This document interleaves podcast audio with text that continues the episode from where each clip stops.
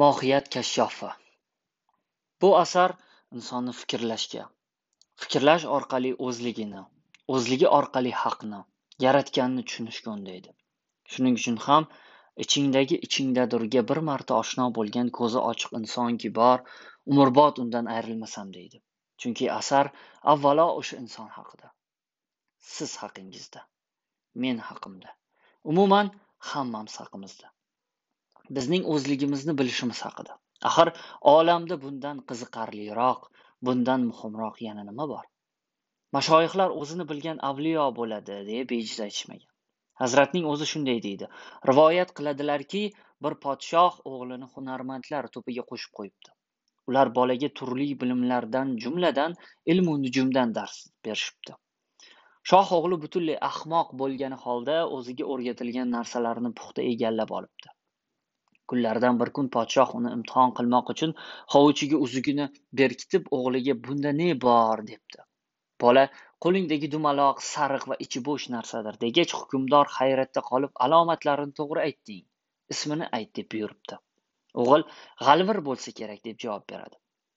Podshoh olgan tahsiling sharofati bilan meni hayron etib alomat belgilarini aniq aytdingu, ammo g'alvirning hovuchga sig'masligiga qanday qilib farosating yetmadi debdi. Afsus chekibdi. Xuddi shunday deb davom etadi rumiy hazratlari. Zamonamiz olimlari ham qilni qirq yoradilar. O'zlariga bog'liq bo'lmagan narsalarni juda yaxshi biladilar. Ammo o'ta muhim o'zlari uchun qolgan barcha narsalardan yanada yaqin bo'lganini ya'ni o'zlarini bilmaydilar. Hamma narsadan yaqin bo'lgan borliq bu ularning menligi. Mavlono rumiy insonni avvalo ko'zini ochishga va ochilgan ko'zlar bilan o'z mohiyatiga nazar tashlashga undaydiki bu bilim ul valiy zot insonning o'zi bir butun olam kichik olam ekanligini uqtiradi.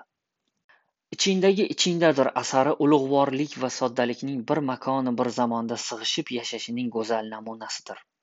Albatta komil inson avliyolik asrori haqida ko'plab olimu fizalolarning xilma xil asarlari mavjud.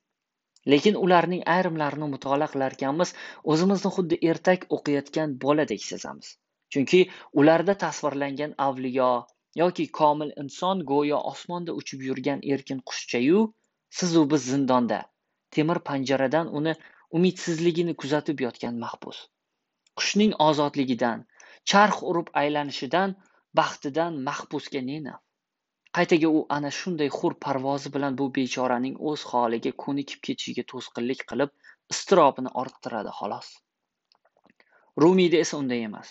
Rumiy shohi gadoga ham olimu avomga ham birdek xitob qiladi va har kimning qarshisiga o'z hikmatlaridan bir ko'prik tashlab boshqalar nima desa deyaversin lekin sening ham bu yo'ldan o'tishga haqqing bor. Ki sen ham undan o'tishga munosib va qodirsan. Faqat g'ayrat qildi kel deydi go'yo. Boshqacha aytsak jaloliddin rumiyning ichingdagi ichingdadir asari insonlik va ilohiylik o'rtasiga qo'yilgan mustahkam ko'prikdir. Ha asar mutolaasi inson ko'nglida mudrab yotgan umidning qayta uyg'onishiyu qad rostlashiga ko'mak beradi. O'zining mavjudiyati va haqiqatiga ishonch hosil qiladi.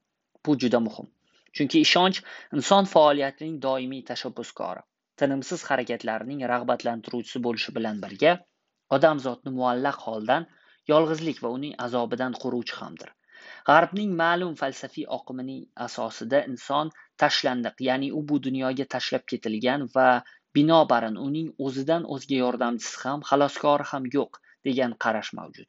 Hayot buning kabi yuzlab minglab nazariyalar uchun asos beraveradi. Hatto aytish mumkinki tahriy uchun ham dindor uchun ham bu dunyoda oqlov sabablar to'lib toshib yotibdi. Ehtimol odamzodning o'zidan o'zga tayanchi yo'q degan dahriyona qarash g'arb dunyosining moddiy texnikaviy jihatdan ilgarilab ketishiga sabab bo'lgan o'nlab yuzlab omillardan biridir. Shvetsar psixiatri karl gustav yung esa sharq insonining ruhiy jihatdan baquvvatligiga havas bilan qaraydiki rumiyda ayni shu narsaning mohiyati bilan chuqur tanishish imkoni bor. Rumiyni bir millat bir jamiyat yoki bir zamongagina taalluqli qilmay uni hamma uchun va hamma zamonlar uchun qadrli aylagan asos ham shunda. Hazratning sifat va alomatlariga emas balki mohiyatga insonning o'zagiga e'tibor berganligi bilan izohlansa ajabmas. Chunki zohir tashqi ko'rinishga qaralganda insonlar har xil. Ularning mohiyati ildizi tabiati ehtiyojlari borar joyi mushtarak.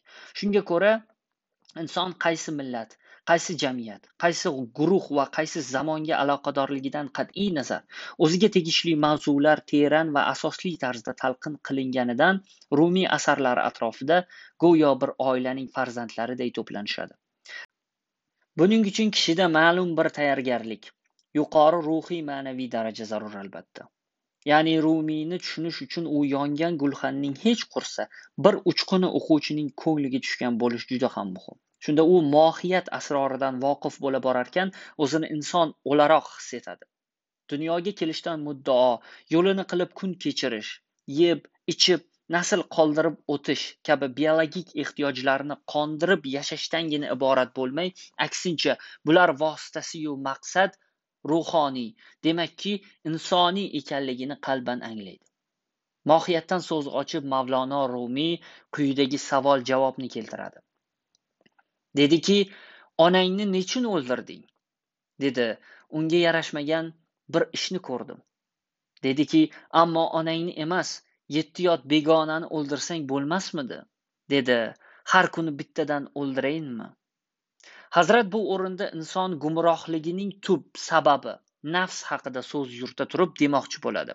Sen hadeb qilmishlaringning oqibatini daf etishga ularni u yoki bu shaklda xaspo'shlashga behuda urinaverma balki mohiyatga teran ko'zli nazar solda asos bo'lgan nafsingni onani jilovla toki u tufayli har kuni har kim bilan yoqalashishga o'rin qolmasin hazrat o'gitlaridagi yana bir jihatga alohida to'xtalib o'tmoq joiz bu ham bo'lsa ruh va jism o'rtasidagi muvozanat masalasi. Bizdan ko'pchiligimiz shundaymizki ruh haqida gapirilsa garchi bu borada insonga kam ilm berilgan esada darhol ruhparast bo'lishga tirishamiz. Qolgan vaqtlarda esa o'z o'zidan jism bandalariga aylanib qolganimizni o'zimiz ham sezmaymiz. Asli haqiqat nimadan iborat? Yana ham to'g'rirog'i qanday holda biz haqiqatga eng ko'p yaqin borgan bo'lamiz? Agar savolni shunday qo'yish mumkin bo'lsa javobni yana rumiy hazratlaridan eshitamiz. Agar danakni chaqib mag'zini eksang unmaydi. Agar qobig'i bilan birga tuproqqa qadasangchi unish hodisasi yuz beradi. Danak mag'zini ruhu qobig'ini jism deb olinsa demak inson bolasi biron maqsadga yetishmak uchun har ikki asosga suyanishi zarur. Aks holda maqsad hosil bo'lmas. Modomiki shunday ekan odamzod yashash va kelajakka intilish asnosida har qanday bir tomonlamalikdan goh u yon goh bu yonga og'ib ketishlaridan tiyilib ana o'sha oltin o'rtalik boshini tutmog'i zarur keladi. Axir payg'ambarimizning hech qachon o'lmaydigandek bu dunyo uchun ertaga o'ladigandek oxirat uchun yasha degan o'gitlari ham mohiyatan yuqoridagilarga hamohang jaranglamaydimi axir ochiq ko'z bilan hayotni kuzatuvchi hassos qalb va aql egalari ham ayni haqiqatga bot bot duch keladilar-ku.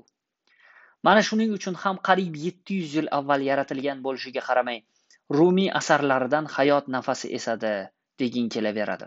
Zero hazratning o'zlari tafakkurning har qanday mahdudligini yorib o'tishga qaratilgan keskir so'zlari bilan insonning botini hurriyat olami ekanligini anglashda da'vat etadi va shunga undayveradi. U hamdamov filologiya fanlari nomzodi.